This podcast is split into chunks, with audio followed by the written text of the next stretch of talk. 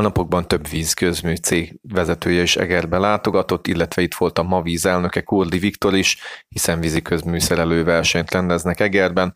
Vele már korábban is beszélgettünk, felvetettük például korábban azt, hogy 3000 milliárd forint kellene ahhoz, hogy a hazai víziközműveket rendbe tegyék. Most is beszélgettünk vele ebből az alkalomból.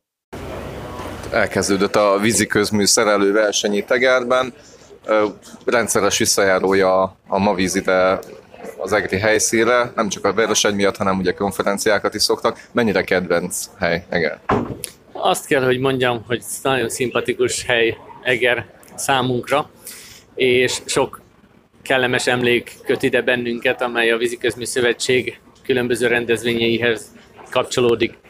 Most azért került ide ez a rendezvény, mert egy évvel ezelőtt az országos versenyt az EGRI szerelők nyerték, az EGRI Heves megyei vízmű ZRT csapata volt a legjobb, és így ők kapták meg a rendezői jogokat, amelyekkel éltek is. Nagyon örülünk annak, hogy ezt így felvállalták, és teljesen pozitívan érzékeljük a helyszínválasztást, a verseny komplexitását, a szervezés minőségét, és azt is, hogy további innovatív megoldások vannak a lebonyolítást illetően. Úgyhogy mindenféleképpen jó hangulatú, kellemes versenyt várunk, nagyon jó időben, és mintegy 20 csapat részvételével. Ez körülbelül a vízműveknek hány százalékát mutatja meg évről évre ez a? Hát azt lehet mondani, hogy 38 akkreditációval rendelkező vízigazmi szolgáltató van az országban. Az utóbbi években, amióta nem túl ideálisak a gazdálkodási körülmények a cégek házatáján, általában a, csap, a összlétszámnak a fele szokott ezen részt venni, tehát 16 és 24 közötti csapatlétszámmal szoktunk mozogni. Ez függ a helyi leterheltségektől is, valamint függ a gazdasági helyzetektől is, amelyek a különböző vízmű cégeknél bizony nem könnyűek. Ami még különlegessége a mainak, hogy van három határon túli csapat is a résztvevők között, amely nagyon szépen és jól erősíti a szakmai baráti kapcsolatokat itt a Kárpát-medencében. Úgyhogy a vezérigazgató úr úgy fogalmazott a megnyitón, hogy nem is magyarországi szerelőversenyről, hanem Kárpát-medencei víziközmű szerelőversenyről beszélhetünk, és ez jó érzés. Körülbelül hány embernek adnak munkát a víziközmű? Közvetlenül több mint 20 ezer munkavállalója van a vízműveknek az országban, de hogyha a vízipari munkatársakat is hozzászámolom, akkor ez már 25-28 ezer fős munkavállalói létszámot jelent. Éppen ezért is gondoljuk, hogy ez nemzetgazdasági szempontból sem elhanyagolható. Tehát egyrészt az ivóvíz biztonság, az ivóvíz, mint stratégiai kincs szempontjából sem elhanyagolható, a másik pedig az, hogy minden ipari üzem, közintézmény és hát maga a lakosság is alapvetően rá van szorulva az ivóvíz és csatorna szolgáltatás igénybevételére. Elegendő ez a létszám egyébként? Azt gondoljuk, hogy megfelelő hatékonysággal és elegendő létszámmal működünk. A probléma ott van inkább, hogy a korfa egyre inkább idősödik, és azt látjuk, hogy az utánpótlás nem akar olyan szinten jönni, ahogy azt szeretnénk. Tehát a fiatalok körében kevésbé népszerű vízműves szakmát választani. Azért is örülök ennek a rendezvénynek, hogy itt kijöhettünk a fényre, és egy olyan helyen van ez a verseny, ahol a, az érdeklődők a társadalom felé üzenetet tudunk közvetíteni, az érdeklődők felé üzenetet tudunk közvetíteni, és hát ha lesznek olyan fiatalok, akik, akik vízműves szakmákat választanak.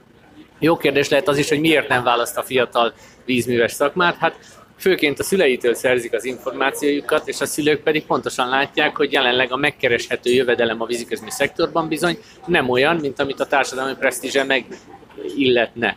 Ez pedig azért van, mert hosszú idő óta a víziközmű szolgáltatás indokolt költségei nem térülnek meg a bevételekben, tehát úgy, ahogy nehézséget okozza a villanyszámla kifizetése, a legkorszerűbb számítógépek, vagy éppen technológiai egységek beszerzése, úgy nehézséget okoz a versenyképes bér kifizetése is.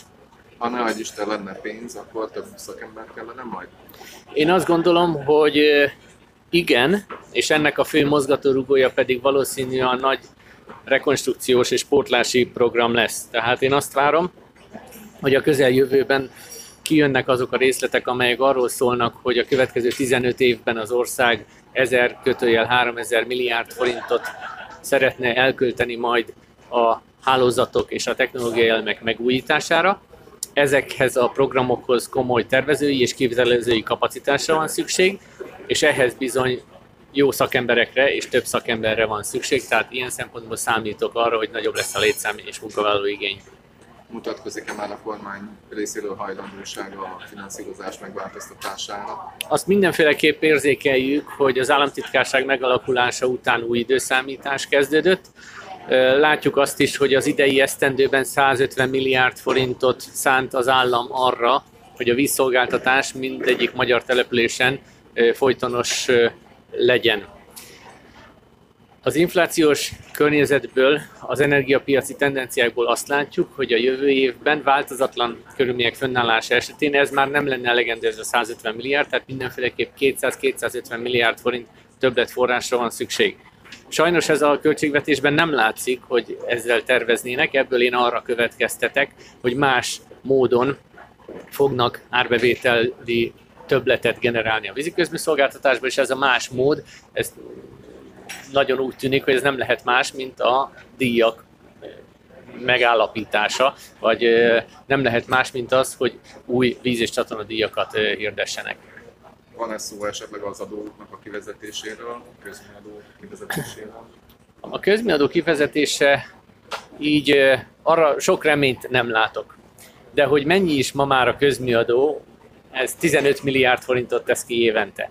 Idén ennek a tízszeresét kapta a szakma állami támogatásként. Tehát látszik, hogy ma már a közműadó nincs a top 3 problémája között az ágazatnak, mert az idő változott, és a közműadó mértéke egyébként az nem, nem növekedett, csak az újonnan épült hálózatok belépésével, ami meg azért nem jelentős. Sokkal inkább én azt várom, hogy amikor az új díjmegállapítási mechanizmus elindul, akkor indokolt költségé válik a közmiadó, tehát egy adott területi egységen indokolt költség lesz majd az adott vegyszer, az amortizáció, a munkabér, és ez ment a közmiadó is, tehát egy átlátható közgazdasági szakmai szempontok szerint stabilabb rendszer jöhet ezáltal létre. A szennyvíz hálózatokkal mi a helyzet, hogy azokat próbálják-e fejleszteni, illetve még ugye vannak települések, ahol nincsen kiépítve, mennyi ilyen van?